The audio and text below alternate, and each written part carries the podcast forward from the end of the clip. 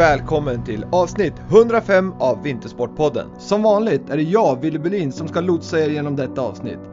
Jag brinner verkligen för att få möjligheten att prata med mina gäster. De har så stor erfarenhet och kunskap att dela med sig av, vilket ger mig ett rus av lycka och välmående. Att få möjligheten att genom Vintersportpodden dela med mig av mitt och gästernas samtal till er som lyssnar ger mig energi. Stort tack till gästerna och såklart till alla er lyssnare. Jag vill också påminna er att prenumerera på Vintersportpodden där poddar finns för att inte missa när jag släpper nya avsnitt. Prenumerationen är naturligtvis kostnadsfri. Jag vill också att ni följer Vintersportpodden på Instagram eller blir vän med Vintersportpodden på Facebook för att inte missa information om gästerna och vad jag håller på med. Detta avsnitt är i samarbete med Brooks som grundades 1914 och är skoföretaget som är helt fokuserade på löpning. Hösten är här och mörkret faller. Kitta upp er med Brooks Visible-serien. Det gör er synliga samt att kollektionen är av högsta kvalitet och funktion. Jag införskaffade ett par nya Brooks Glycerin 20 inför höstsäsongen, vilket jag varmt kan rekommendera. En bra mängdsko med bra dämpning som passar mig absolut perfekt. Brooks, de har skor som passar olika löpstilar och för olika ändamål. Run Happy med Brooks, The Running Company. Och Madsus Skis. Madsus har funnits sedan 1906 i Norge. Madsus har alla produkter för en skön, givande och rolig längdtur för alla nivåer. Jag har haft förmånen att testa Redline-serien, vilket har varit en upplevelse utöver det vanliga. Delar ni passionen och viljan att ha en skön upplevelse i längdspåret med Madsus? Ja, besök då www.madsus.com och få mer information om produkterna och vad ni ska införskaffa inför stundande vinter. Innovativ längdskidåkning sedan 1906. Madses gets you there.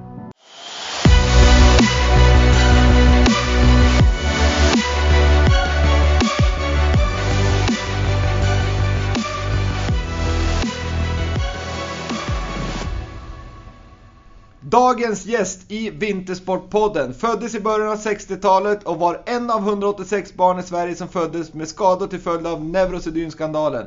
Idag är han en passionerad sittskiåkare inom längdåkningen, både som aktiv och ledare. Varmt, varmt välkommen till Vintersportpodden, Kari Paloja. Nej men tack snälla. Jäkligt kul att ha dig här Kari och det är på ett roligt sätt som, som du och jag träffades. Eh, och att du sen blev gäst hos Vintersportpodden. Ja men det är alltid kul och ja, vi har träffats på ett speciellt vis du och jag då. Vi träffades ju, ja jag köpte ju kaffemuggar. Jajamän, och jag hoppas att du tycker de är goda att dricka ur. Jag kan säga som så att jag inte druckit ur dem än utan att eh, de står hemma som prydnad. Oj, ja det är fint. Ja de är fin men jag rekommenderar att dricka ur dem för de är mycket goda. Och i alla fall så, när jag då träffade dig och såg din passion till skidåkningen och och ja, men hur du verkligen brann när du berättade om din träning, hur du utvecklade sitski och allt vad det nu var. Då kände jag att det här måste vara med i Vintersportpodden. För det är jätte, jätteintressant att prata med, med även liksom, de som inte är yttersta elit och har vunnit OS och VM-medaljer. Så det här ska bli mycket kul, Kari. Um, hur är det annars med dig? Jo men det är, det är bra, allting flyter på och ja, ja, nej men jag ser framåt. Får vi se vad som händer. Ja, det är bra inställning. Gick det bra att komma hit? Absolut, inga problem. Grymt. Hur har sommaren varit då? Sommaren har varit kanon. Jag har fått vara frisk och eh, tränar för fullt och ja, nej men det, det, ja, det har funkat bra. Har du klarat dig från alla tutande bilar som viftar med armarna när man åker rullskidor? Ja, det, det, det som stör mig mest det är väl kanske alla turister då som inte har sett någon som är knästående utan att då stannar de liksom mer eller mindre och stoppar upp trafiken och då ska de ja, puttra förbi och titta liksom. Det, det är klart att det väcker nyfikenhet. Det är ja, ju så. Ja, så är det. Är det någonting du känner att du tar illa vid när de tittar ungefär som att det skulle vara någon utomjording som är ute och åker? Nej, nej absolut inte utan nej men det bjuder jag på liksom. Det är inga problem det. Mm. Ja det är bra. Nu är det ju höst här. Ser du fram emot vintern eller är du ras, rosenrasande för att sommaren är över?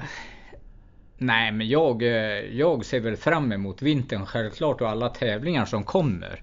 Och senast igår fick jag ju reda på att jag är anmäld till sista sträckan på stafettvasan. Jaha, vad kul! Jajamän. Vilka då med? Det är med Östersunds eh, skidlöparklubb och parasportavdelningen där då. Kanon! Jajamän. Sista sträckan, den är ju den roligaste när man kommer in mot Mora och, och det är lite folk och sådär. Ja, och sen är det väl lite, lite PR liksom över det hela och liksom visa att ja, även sitskiåkare och vad det liksom är för att jag tror att det väcker folks nyfikenhet kanske. Jag vet Mm. inte. Absolut, med, med all rätt. För jag personligen är ju otroligt imponerad av, av sitski-åkare. Både utför kan jag säga, för där går det också fort. Men, men nu är vi på längden så att då finns det andra utmaningar. Men det finns ju utmaningar utför där också. Men, men uppför är ju kanske snäppet värre. Ja, uppför ska vi inte prata egentligen för att det är hemskt för att där vanliga skidåkare och vanliga motionärer när de står upp och åker, jag menar de får ju ut all kraft med sin kropp då. Jag står på mina knän och använder liksom ja, överkroppen Mm. och så hjälp med styrkan i armarna och, och så ett jäkla hårt pannben alltså. Ja, det förstår jag verkligen. Det, då är det finskt sisu. Vi kom in på, alla har väl kanske misstänkt att du har finsk bakgrund med, med ditt namn Kari Palloja. Men eh, vi kommer in på det lite senare. Men innan vi går in på dig Kari så, så ska vi ju eh, kort redogöra för vad, vad Neurosedynskandalen var. Kan, kan du berätta lite grann för, för lyssnarna vad, vad Neurosedyn, vad, va, vad som hände där på 60-talet? Ja men alltså Neurosedynskandalen som inträffade i Sverige då på 60-talet. Eh, det handlar ju egentligen om att det fanns ett företag i Tyskland som tog fram ett eh, medel som gavs till gravida kvinnor och det skulle vara som lugnande och sömnmedel. Och eh, det gav ju fosterskador. Eh, varav jag då också är drabbad utav för min mamma åt det här läkemedlet. Tyvärr.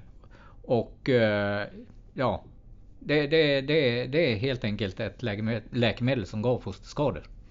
Och, och det som man kan tänka sig, för jag vet att man stoppade det här till gravida 1961.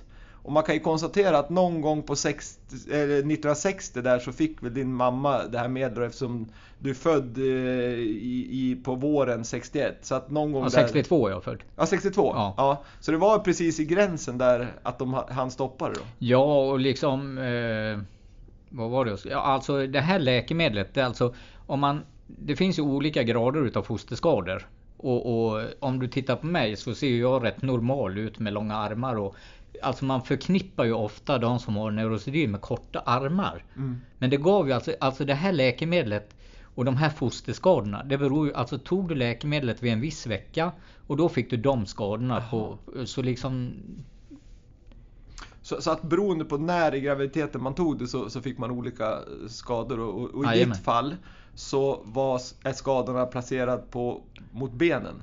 Ja, ben, alltså jag har ju skador egentligen från nacken och neråt. Okej. Det, alltså det syns inte. Jag är så expert på att dölja mina skador. Ja. Så liksom jag ser ju mer eller mindre normal ut. Ja. Ända till jag tar av mig kläderna.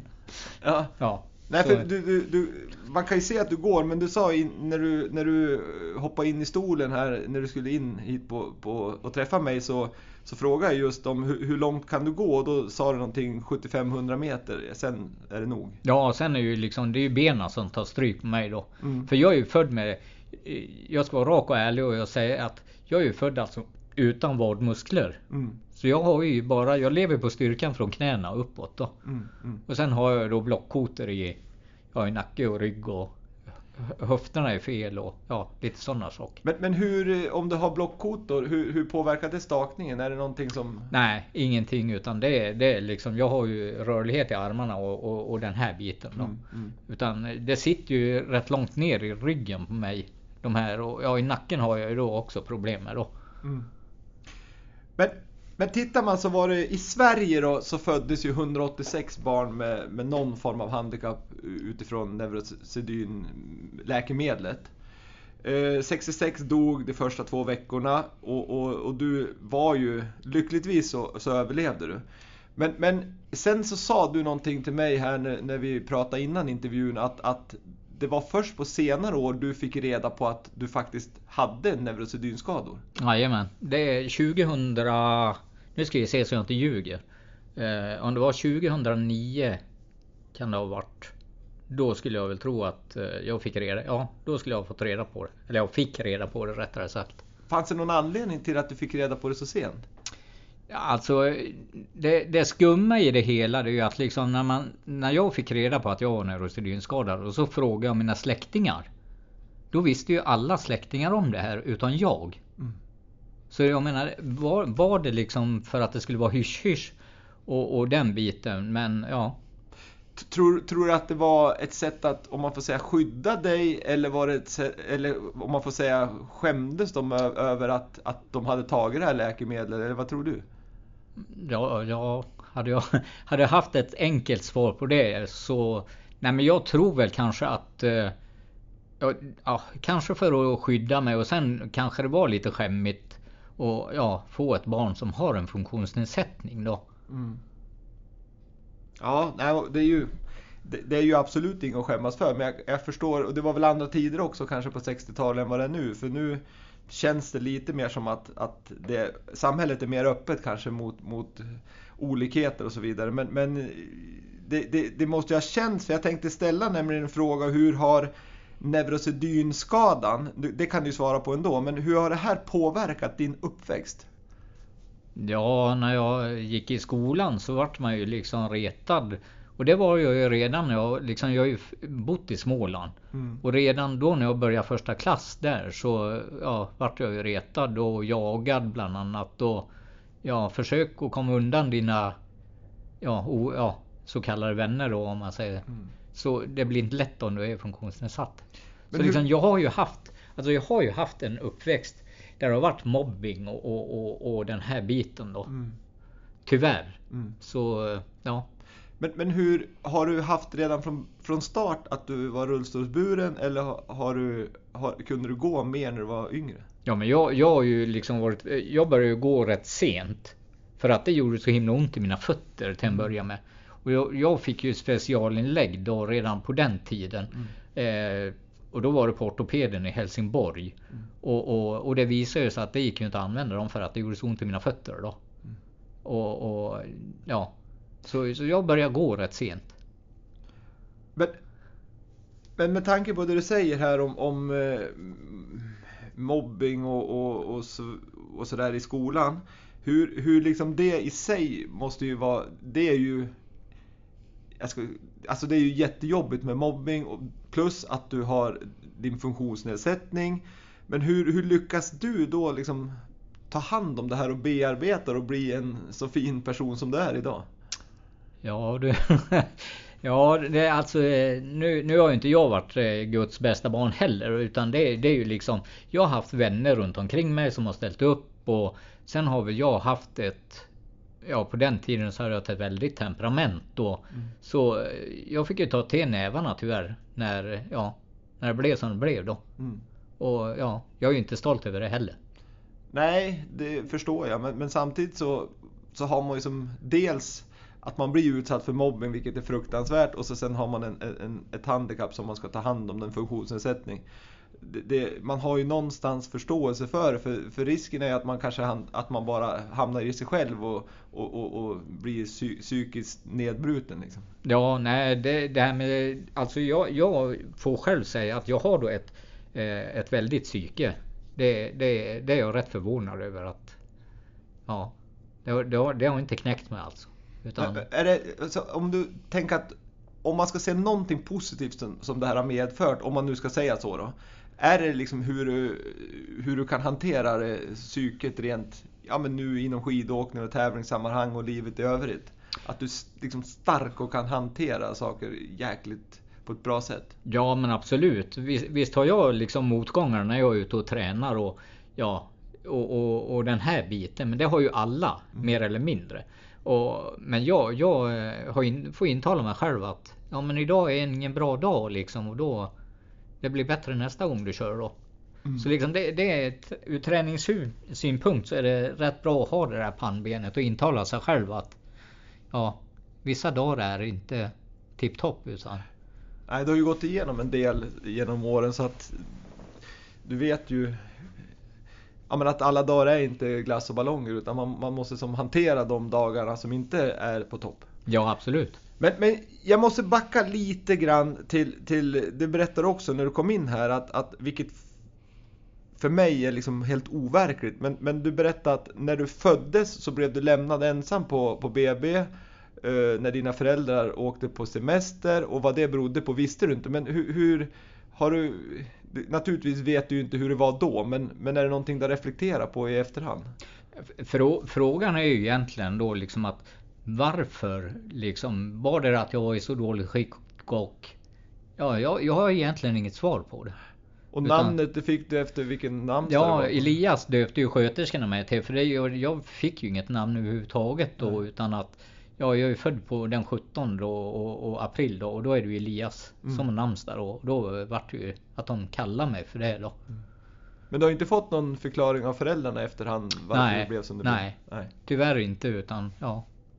Ja, det är en svår, svår start och därför är det extra roligt att se en så passionerad skidåkare här framför mig. Det är ju liksom superroligt verkligen.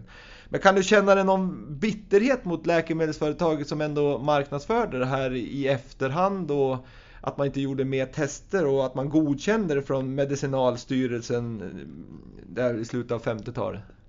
Nej, bitterhet känner alltså jag, jag har egentligen inget att vara... Ja, jag hade ju varit glad om jag hade kunnat gå och springa och varit normal som alla andra naturligtvis. Men någon bitterhet känner jag inte utan att jag, jag, har, fått ta, jag har fått ta den här smällen och liksom göra det bästa utav det. Va? Mm. Så, och, ja, jag är ju där jag är idag då när det gäller skidåkning och mm. den biten. Då. Men du berättade, du berättade att du fick inlägg som skulle underlätta att du kunde gå och inte få så ont, men du fick ont. Men hur, hur har du känt liksom i, från uppväxten och fram till nu? att Får du mycket liksom stöd från sjukvården i att hitta hjälpmedel? Ja men absolut, absolut. Alltså jag, jag, eh, när jag flyttade hit upp då så fick jag komma till ortopeden i Gävle då. Mm. Och de, de har ju hjälpt mig väldigt mycket.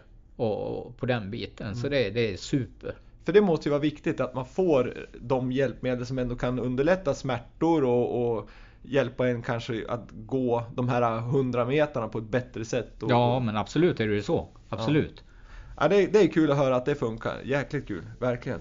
Eh, men nu ska vi gå in, vi har ju pratat om ditt namn, Kari Palloja och du bor numera här i Hälsingland. Kan du berätta om, om nu har vi pratat om, om, om din funktionsnedsättning och hur det var att växa upp med, med, eh, med eh, just den här eh, funktionsnedsättningen. Men, men kan du berätta mer om vem är Kari Palloja? Ja, vem är jag?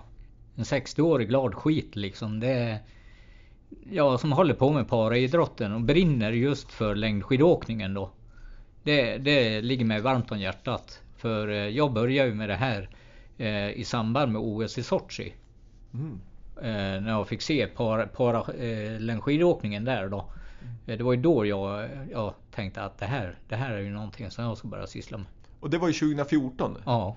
Men, men hur, liksom, vad, vad kom du från då? Hade du, någon idrott, hade du hållit på med någon annan idrott innan som gjorde att du bara växlade idrott eller, eller hoppade du från ingen idrott rakt in i passionerad skidåkare? Nej, men jag, när jag var yngre så, så tror jag eller inte så spelade jag basket. Jag mm. spelade basket från tredje klass upp till första året på gymnasiet.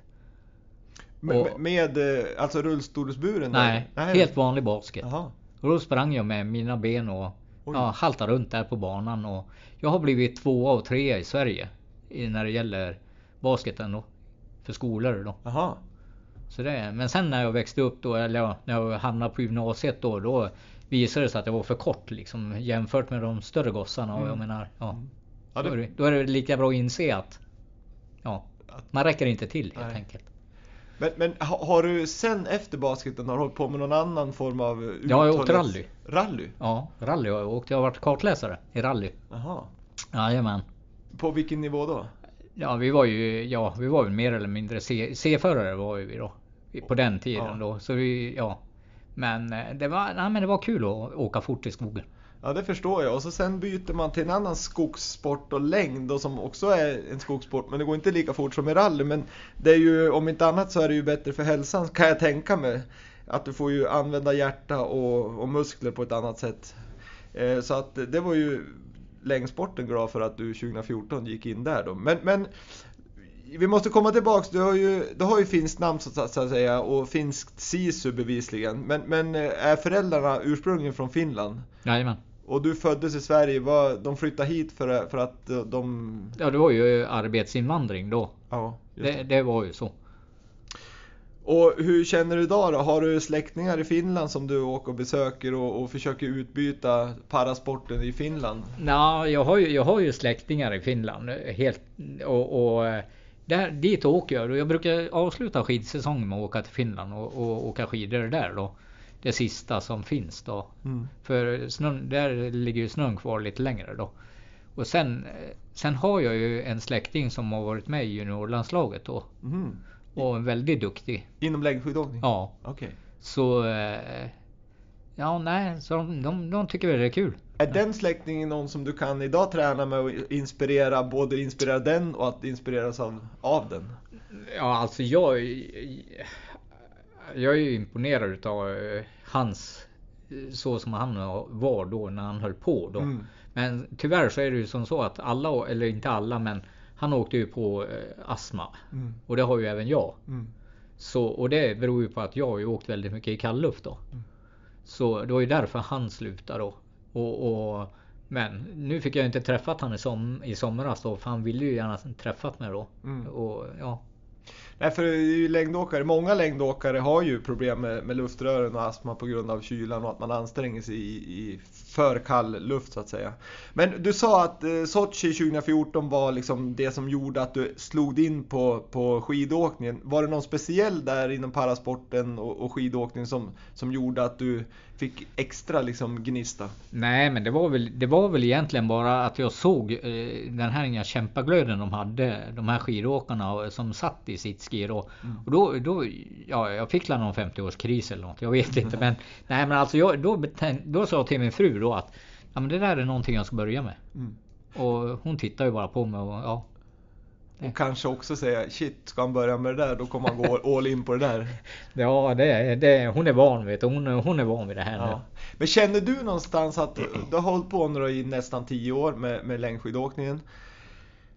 Har du förändrat din, din, din liksom skada någonting eller har du förenklat funktionsnedsättningen eller har du fått mer ont av, av att hålla på och träna så här mycket? Nej men jag, jag, jag har ju liksom konstant verk. Mm. Vissa dagar verkar det mindre, vissa dagar verkar det mer.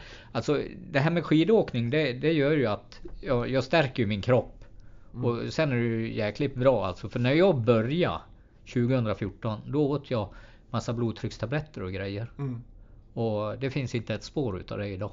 Och det kan ju ha att göra med, med just träningen? Ja, träning och skidåkningen ja. det, det är ju A och O liksom. Så. så det är positivt liksom i, i i ditt liv. Ja, absolut. Ja. absolut. Och inte bara att du tycker det är väldigt roligt utan även liksom fysiskt i, i kroppen är det bra. Ja. Och det är ju, då har man ju tagit ett stort steg. Verkligen. Ja, det tycker jag. Men, men det jag som känner då, liksom, vi, vi, vi kan hoppa in på, på just skadorna när vi är inne på det. För när jag ser er åka i, i, i en sitski, då tänker jag ju direkt att jäklar vad det här måste göra ont i axlarna på, på sikt alltså. Är det hur, hur dels får du ont i axlarna och, eller någon annan kroppsdel och hur, i så fall hur kan du parera det med längden på stavar och Nej men jag, jag, jag känner ju av efter alla dessa år som jag har stakat då. Då känner, börjar jag känna av mina axlar. Självklart är det så för det är otroligt många staktag på tre mil. Som, ja, ska, gör, som ska göras då. Och sen har jag ju som sagt var problem med slutet utav ryggen då. Mm. Och det är ju på grund av det här som vi pratade om innan då, mm. det här mm. med läkemedel och det här då. Så men eh, sen, sen gäller det liksom att hitta den rätta stavlängden. Mm. Och det har jag ju fått hjälp utav Viktor som eh, bland annat vallar för eh, lager 157 då. Han jobbar ju på Sportringen förut då. Mm. Och han har ju hjälpt mig mycket liksom att ta fram längd på stavar och för det blir ju någon gräns där tänker jag. Bara. Dels längden ska vara bra för att du ska få ut rätt kraft. Men det får ju inte heller bli så att du hänger så att du gör illa axlarna. Nej, det, det, det är ju en balansgång liksom. Och, och, om man tittar till, om, om du har följt parasportarna på TV. Mm. Så är ju vissa som kör med väldigt, väldigt långa stavar. Ja, jag har sett det. Och för min del så tycker jag, jag, jag skulle, jag uppfattat som att det skulle vara väldigt jobbigt uppför. Mm. Jag vet inte, jag har själv inte gjort det liksom och, och jag vet inte varför de kör med så långa stavar. Jag vet inte det. Nej, det kanske är hur man, vart styrkan sitter också. Ja, det är mycket möjligt. Ja, det kan ju vara beroende på vilken funktionsnedsättning man har. Om man har någonting som man är väldigt stark i magen och så kanske man kan ha längre stavar. Ja. Jag vet inte. Men, men jag tänker så här. Du, du är ju inte på den här liksom, du är ju inte eh, olympisk mästare utan du är ju en elitmotionär som tävlar för Östersunds sportklubb. Och Eh, parasportavdelningen. Ja, parasportavdelningen ja. Eh, och då, då undrar jag liksom att, för jag, när jag träffade dig första gången där när, vi, när jag levererade kaffemuggarna och, och vi snackades vid där, där du bor. Då, då kände jag så här att, då tog du fram din sitski och du visade mig och, och jag blev ju superimponerad över ja, men hur du hade utvecklat den där och, och hur, hur går det till liksom? Har du fått själv gjort det eller har du någon du gör det tillsammans med som kan ge dig liksom tips och råd eller hur, hur funkar det? Ja, det här, det- alltså jag hade ju en sitski först som var liksom byggd i Östersund då. Men den passade inte, alltså den vägde för mycket. Och, och sen kom jag i kontakt med eh, Johan eh, Öberg uppe på Elpex i Piteå. Mm. Och, och eh, han sa till mig att nej men du ska inte åka omkring på en sån där utan vi bygger den åt dig i kolfiber. Mhm. Och, eh, och då, då eh, sa jag till honom att men du kolfiber. Det kostar lite pengar det. Ja. Och då kom svaret att tar du och skit i det du. ja, det Så liksom det är ju, det är ju snällt det. Och, och, och då gjorde vi ju då, alltså som idag då, alla, alla sitskin de byggs ju för att kunna passa åkaren. Alltså du är ju egentligen pjäxan. När du sitter fastspänd i sitskin. Du styr ju liksom sitskin vart du ska och ja, den biten då. Mm. Så du sitter ju fastspänd. Ja, ja, precis. Du sitter ju liksom, du sitter ju på knä Ja. och så är det som fastspänd. Så det blir precis som du säger, det är ju pjäxan. Ja. Eh, och sen då med ditt handikapp eller funktionsnedsättning i, i ryggen där. Ja. Då kan det ju göra det lite svårt för dig också att styra den. Om du hade varit helt, vad ska jag säga, frisk i bäckenet och Ja. uppåt. Då hade du kanske lättare kunnat hoppa runt och Ja, styra. ja men så är det. Men samtidigt är det så här att när man, när man byter spår. Eh, när man är ute och åker. Så ser man ju till att ha så pass mycket fart. Mm. Så du liksom, och då sätter du stavarna och så med hjälp av stavarna så förflyttar du det till nästa spår då. Jag, jag, jag förstår, jag ser, jag ser mig framför och det där var faktiskt, det kan vi ta direkt. Vi hade en lyssnarfråga från en som heter Tommy Andersson och han frågar just hur hanterar du spårbyten och, och speciellt då när det går väldigt fort utför. Det, är ju en, I min värld så skulle det kännas som en chansning att hoppa till. Ja, alltså ut, utför, alltså det, det är ju njut, njutbart om man har med sig en broms som jag har då. Jag liksom har med mig min egna tränare. Ja. som åker med mig för att i och med att jag inte kan trycka till med bäckenet så det finns inte en chans för mig och om det svänger där nere så, så hamnar jag ute i skogen. Mm. Det, det, det, och då har jag ju min tränare och då sträcker hon fram stavarna och då håller jag hennes stavar. Mm. Och så åker vi allt vad det tygerna håller utför då. Och så får jag lita på henne då att hon verkligen orkar hålla emot då. Mm.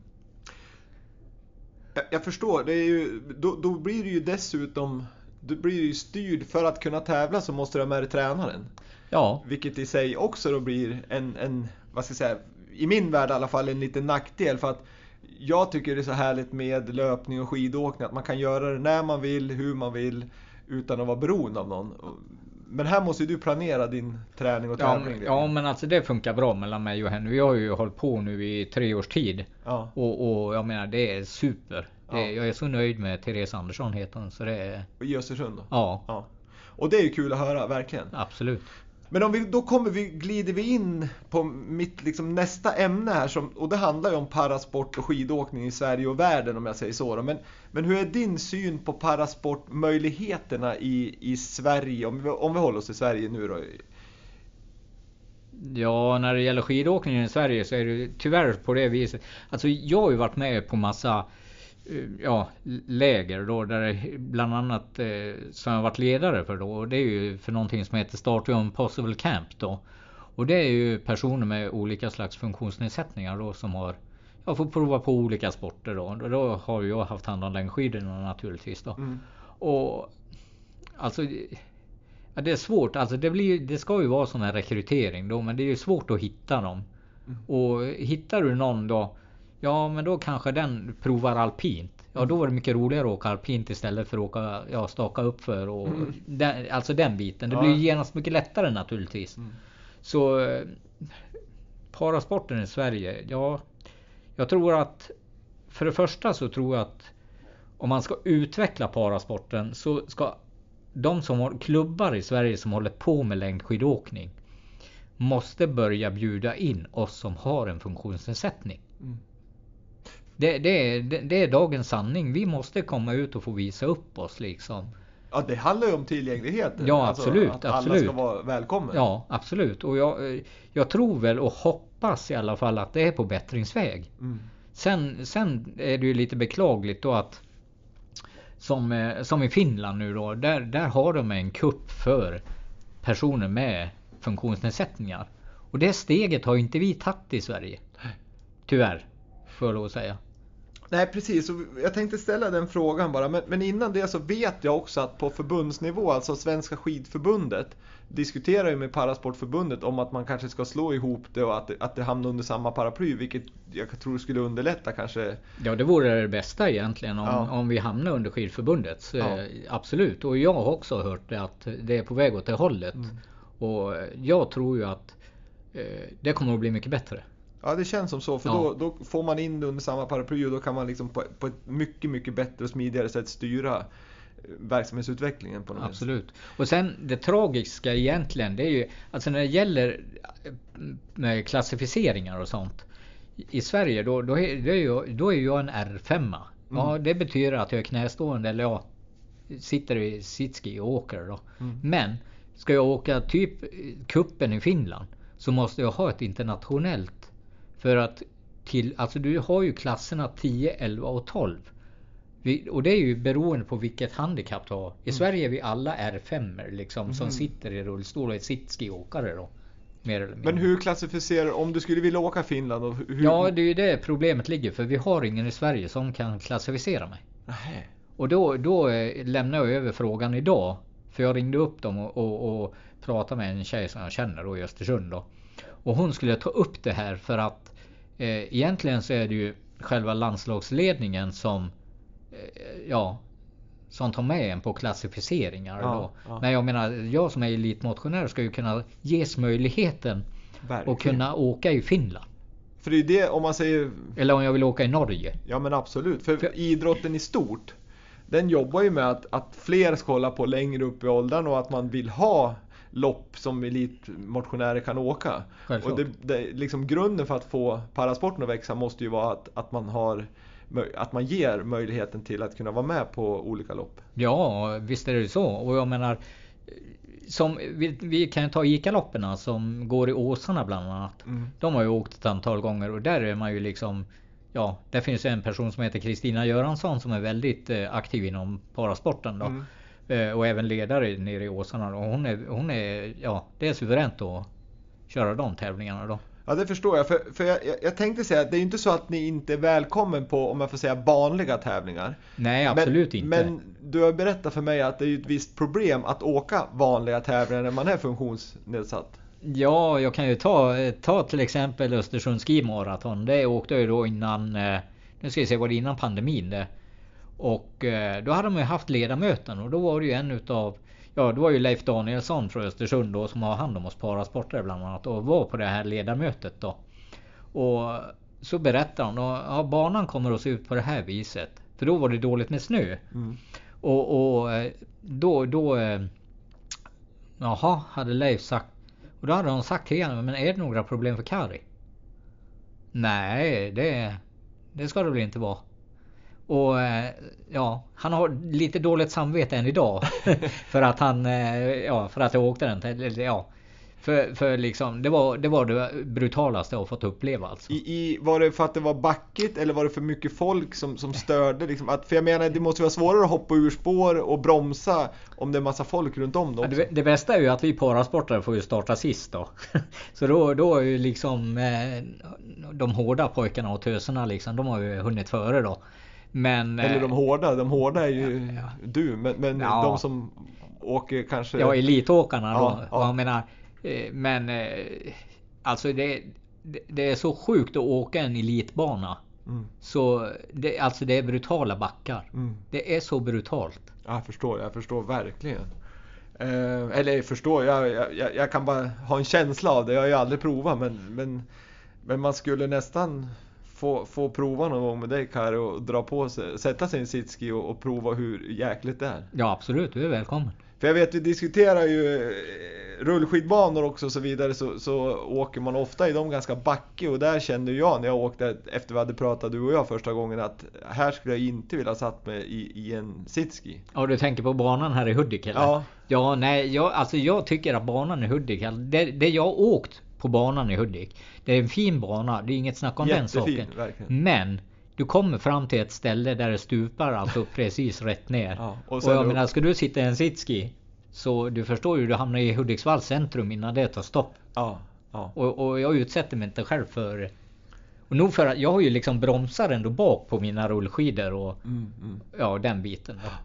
Nej men det, det är så och, och där, det, det är där återigen till det här med, med vad ska jag säga, tillgängligheten att, att man, man ska försöka för att få fler att kunna hålla på så måste det finnas förutsättningar med anläggningar och tävlingar och, och, och, och så vidare som, som gör det möjligt. För nu är ju du liksom erfaren men, men det finns ju de som börjar nu också som måste kunna börja träna och tävla. Ja alltså eh, Ramla på snö, det gör ju inte ont. Men ramlar du på asfalt då, då, eh, Då gör det ont. då är det inget bra liksom. Nej. Och det har ju jag även gjort det va. Mm. Men eh, ja. Men jag vet ju att du är ute och åker mycket efter vägarna här i Hälsingland. Hur, hur eh, försöker du alltid då tänka på att du åker på platta sträckor så att det inte blir för kuperat? Nej jag åker gärna där det är backigt. Ja. Men Det- hur hanterar du att det, så att det inte går för snabbt ut för? För jag vet ju själv när jag åker rullskidor och så åker man ut för och så kommer en järnväg. Då blir man ju lite... Ja jag har ju bromsat bak då. Ja, du, du Ja, lyckas hålla jag, jag, jag har ju liksom bromsantagna fram och så drar jag dem emot mig och så bromsar det bak då. Mm. Men jag kan inte släppa på fullt ut för heller. Nej. För att rätt vad det är så om det är ett dåligt ställe på asfalten så kan jag få ett kast. Och så hugger du. Ja och Då, då är jag ju omkull då. Mm. Ja, det är imponerande det måste jag säga. Men, men, och vi var inne lite grann för att nu har vi talat om hur vi tycker att det inte hur det inte är idag, men du var ju också inne på hur du vill att det ska vara. Det vill säga att, att man försöker få till någon kupp och att man har klassificeringar som gör det möjligt för fler att hålla på på en motionsnivå. Och, och naturligtvis att, att det finns anläggningar där, där det liksom blir lite lättare banor för att, för att göra det möjligt. Ja och sen, sen tror jag väl så här att eh, om man jag hoppas att eh, ja, det går att dra. Vi säger om det blir väldigt väldigt brant uppför till exempel om någon klubb skulle anordna en tävling. Så kanske det går att smita undan på något ställe på själva banan. Så man slipper just den här inga uppförslöpan då som det är ju inte alla som är starka i överkroppen som kanske har börjat precis och ja, vill hålla på. För det tar ju ändå ett par år innan man liksom ja, Hitta den här eh, styrkan. Alltså det är styrketräning och det, alltså det är åtskilliga timmar som jag har lagt eh, ner på eh, min träning. Du har några timmar i ski-ergen. Eh, svar ja.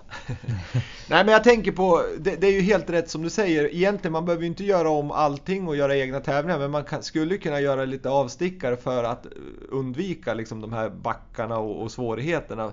Och det, det handlar väl mycket om engagemang, det misstänker jag. Ja, men ja visst gör det det absolut. Men vi säger som i Östersund. Jag kan ta Östersund som ett exempel. Förra året när vi åkte. Då åkte vi 3 km, är det 3 kilometer eller 5? Men den banan, alltså då klättrar man ju från stadion upp då. Men Mm. sen är det ju liksom lättåkt mer eller mindre då. Det enda är ju utför då. För min del. Då. Ja, precis. Jag förstår. så, så, men eh, då, då, den banan fick de till. Jättebra. Ja men det är kul. Och Ja. där har ni då kanske, i och med att ni har en, en avdelning för, för parasport i Östersunds SK. Då kanske det finns något form av engagemang och vilja att, att utveckla den. Ja men absolut finns det det. Alltså det här är en klubb där det finns massa förutsättningar liksom för att vara parasportare. Mm. Det, ja. Jag är glad att jag började åka för Östersund. Ja det förstår jag verkligen. Men du, om man skulle ta i din vardag, eller vardagen, men i skidåkningsvardagen då. Vad är det som är mest utmanande för dig? Ja, vad är utmanande för mig egentligen när det gäller... Alltså egentligen så... Om det gäller själva skidåkningen så är det väl egentligen det här med att våga stå på utför. Även med rullskidor. Men nu har jag insett det att det är helt vansinnigt att göra det då. För egentligen så du förlorar ju väldigt mycket eh, i ett träningsmoment. När du är tvungen att liksom sänka farten utför. Eh, ja, dels sjunker pulsen väldigt fort. Och sen får du börja jobba jättehårt för att få upp den igen då. Mm. Och sen kanske, ja. Allt beror ju på liksom hur brant det är utför naturligtvis. Om du någon gång har åkt från eh, eh, vad heter det där borta eh, affären där i Stamnäs. Mm. Den backen utför. Mm. Den är rätt, där får du bra fart. ja, ja, verkligen.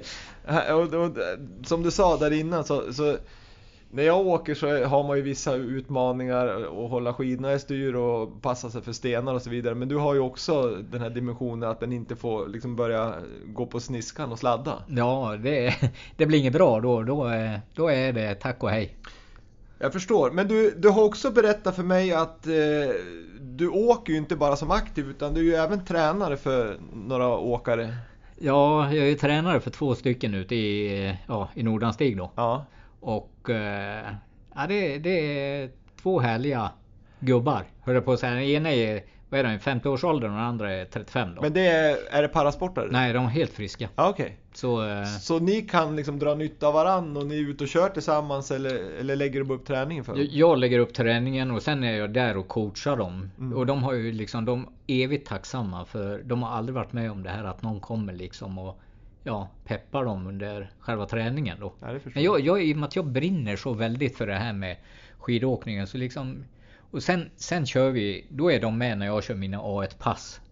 Och, och den biten. Och även när vi kör, alltså när de kör eh, ja, lite fortare då, då är det bra för mig för då hamnar jag helt plötsligt uppe i A2. Mm. Och då, det blir ju genast mycket jobbigare för mig i och med att jag sitter ner mycket mm. lägre då. Och, och, för lyssnarna som inte vet vad A1, A2, A3 är så är det liksom, vad ska jag säga, nivån eller intensiteten i, i träningen. Då A1 är lugnt och långt och A3 är kort och snabbt. Ja, kan man säga. Då. Det, det är brutalt. Man, ja, precis. Men, eh, men hur, du kom ju ändå in i det här 2014 och innan det var du i rallyn. Men har du liksom hur har du lärt dig det här med träning och hur du ska träna för att träna liksom som du sa A1 eller A3 och styrketräning? Har du läst på som 17 eller har du fått hjälp från hon, din tränare i, i Östersund? Nej, allt, allt började ju egentligen att jag var ju med i Älvsby Parasport från första början då. Ja. För jag hade ingen klubb överhuvudtaget. Och, och jag började ju först egentligen med att åka själv runt i Jättendal då. Och ja, och sen liksom man stagnerar utvecklingen. Och sen kom jag i kontakt med dem uppe i Älvsbyn och då fick jag en kille där som skulle träna dem. Men jag tror att han såg för mycket till funktionsnedsättningen. Eh, ja, att det skulle inte gå att plåga mig. Mm. Och honom hade jag i ett år. Och sen efter det så fick jag Åse Borgeryd om du vet vem det är. Nej. Det är en väldigt bra kvinna från Piteå som eh, kör Vasaloppet bland annat. En väldigt duktig skidåkerska. Mm. Eh, hon tog över tränarrollen för mig, till mig då. Mm. Och där fick jag ju utvecklingen. Men tyvärr så är det ju så att avstånden är ju det som mm. begränsar liksom. Det, vad kan det vara från mig upp till Peter? Det kan vara ja, 50 mil ungefär. Ja, styvt. Ja, och jag menar det, det är ju inte gjort i en handvändning menar jag. Får köra ett långt ett pass. Då. Ja, precis. Och, men sen då så fick jag erbjudande om att komma till Östersund. Mm. Och då tog jag och nappade på det då. Mm. Och där träffade jag då Therese. Andersson som är min tränare. Vi har ju hållit på nu i tre års tid. Då. Och är det är super. Ja, det är kul att se Kari. Du, du är enormt passionerad och du har gjort en härlig resa. Och, och att få höra din liksom, uppväxt och hur, hur, hur den här äh, neurosedynmedicinen påverkade ditt liv och din uppväxt har ju varit intressant. Och sen, sen naturligtvis så någonstans så, så du har ju sån otrolig gnista så att eh, jag har svårt att se liksom att en person med inte funktionsnedsättning har din gnista. Det, det, är ju helt otroligt. Och din kämpaglöd. Ja, tack. Det lyser om det när du, när du är här liksom. Det är fantastiskt kul att se, måste jag säga. Och med den, med den liksom, det leder mig in på nästa ämne här som, som, som jag tycker liksom kan vara ganska nyttigt att lyfta ibland. Att, att om vi tar, du har en funktionsnedsättning, du tränar, du tävlar, du, du är envis till tusen för att ta dig upp för backarna, bromsa ut för och, och hantera det på ett sätt. och, och du kanske inte kan ta så jävla mycket för givet. Du, du utvecklar din sitski själv, du fixar skidor själv och, och grejer och håller på för att göra det här möjligt. Och så tar man en, en, en, om jag får säga en vanlig skidåkare som har ganska, tar, tar väldigt mycket för givet och kanske ibland saknar lite perspektiv på saker och ting. Har du någon liksom tips till en vanlig skidåkare liksom utifrån ditt perspektiv? Ja, du vad ska jag svara på det egentligen? det blir svårt. Nej, men eh, vi säger som i mitt fall då. Jag, jag, jag, eh, ja, jag, jag betalar ju allting själv och utvecklar. Liksom. Och sen när det gäller skidåkningsdelen då så är det ju så att en normalt fungerande person har mycket, mycket lättare att, att ta sig fram i skidspåret än vad jag har. Mm.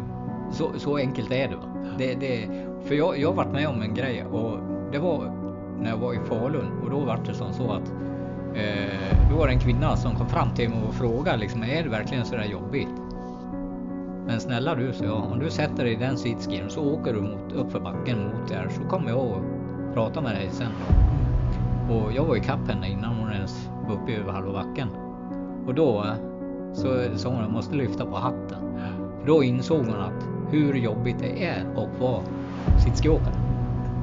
Jag, som jag sa, jag, jag förstår det men, men jag skulle verkligen vilja prova för att jag, jag personligen skulle ju troligtvis få alla problem med axlar som, som finns.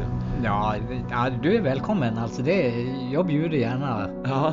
på den biten. Du får gärna ut och åka. Ja, det skulle vara kul att, att testa faktiskt. Ja. Eh, vi har ju bränt av någon lyssnarfråga. Eller det, egentligen ska jag säga så här. Det, det, det som jag menar på den där frågan med vanliga skidåkare kontra parasportskidåkare. Det är ju liksom att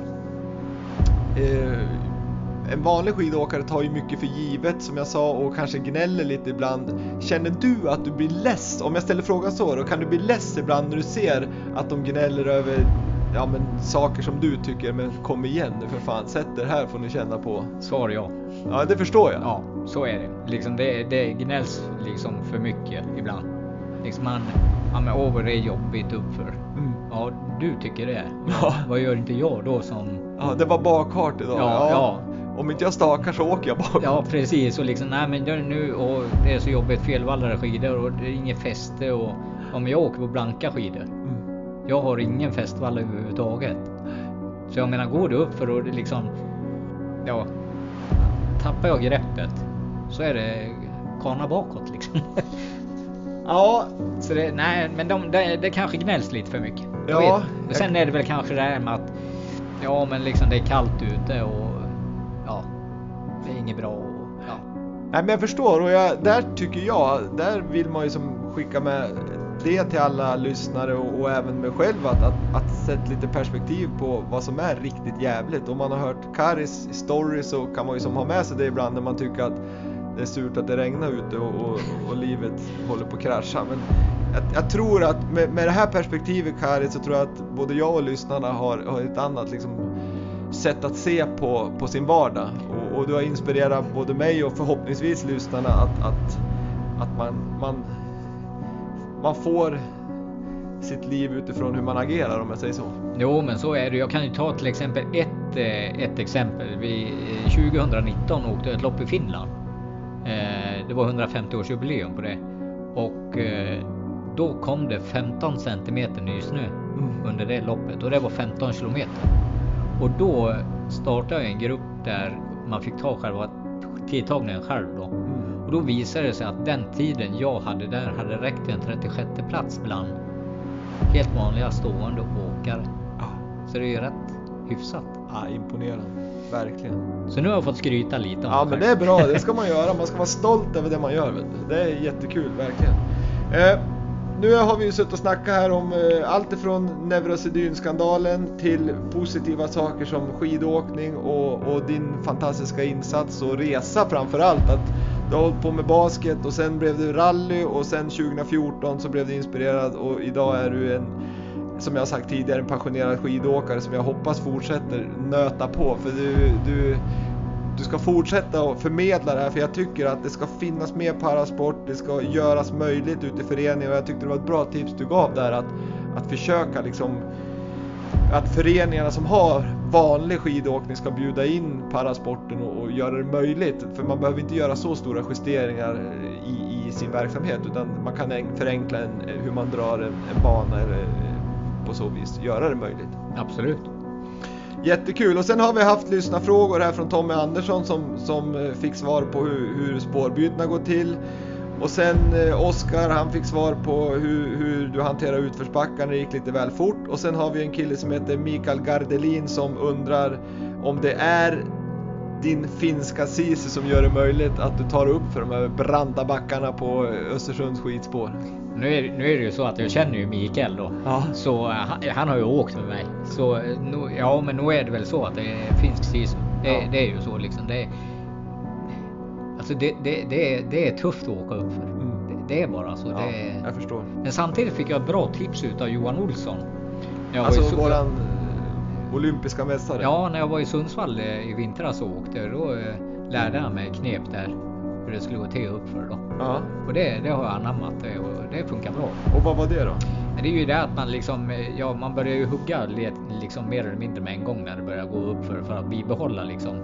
Ja, du måste ju liksom få trycket över stavarna liksom. Ja. Det, det är ju det det handlar om Ja, liksom. Och ja, det var super. Det var kul. Ja, det var, ja, det var riktigt bra. Ja, Johan har ju också varit gäst i Vintersportpodden så det, det var ju kul att höra att, att han är ute och tipsar. Ja, nej, men jag frågade han då när jag var ute och åkte och alltså det är, så- det är så roligt när man är i Sundsvall också för att man träffar på folk som liksom visar intresse och liksom väldigt nyfikna liksom. Ja, vad, vad är det du håller på med? Och, Ja, det förstår jag. Jag åkte bland annat med en polis i vintras då. Och då sa han, men herregud du åker ju fort du. så liksom, eh, själv tycker jag inte att det går så fort. Nej. Nej, men det är för att man... man... Det är väl att jag är van vid. Ja, exakt. Det är så. Innan vi slutar dagens avsnitt, Kari, så ska jag ställa samma fråga till dig som jag ställt till de andra gästerna i Vintersportpodden och den eh, besvaras ganska kort då och den lyder så här. Kan du säga en framgångsfaktor för att lyckas med idrott? Envetenhet. Bra svar det har ju du bevis på. Förhoppningsvis. Verkligen. Och sen så tycker jag att fler ska ta del av din resa och hur du tränar och så vidare. Var, vart kan man följa dig om man vill följa dig på Instagram eller? Man följer mig på Instagram och så mitt namn då, Kari Palo Oja. Ja. Så där Och där, där finns jag och jag är så glad och tacksam för alla som kommer att följa mig. Mm. För där delar du med dig av din, din träning och hur, hur det är att, att träna i, i sitski. Absolut. Stort, stort tack för att du delar med dig av din skiderfarenhet, din bakgrund med neurosedynskadan, dina framtidsplaner och naturligtvis önskar jag Wille Berlin dig stort, stort lycka till i framtiden. Tack snälla och tack för att jag fick komma. Jättekul. Tack, tack.